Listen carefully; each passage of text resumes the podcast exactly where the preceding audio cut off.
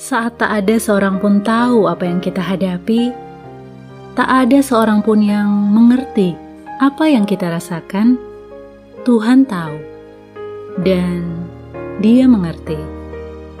Kitanya yang sering tidak mengerti. Kadang wujudnya berupa teman yang tiba-tiba hadir menyapa. Dapat lewat tulisan yang kita baca, atau bisa berupa film yang kita tonton, dan lain sebagainya.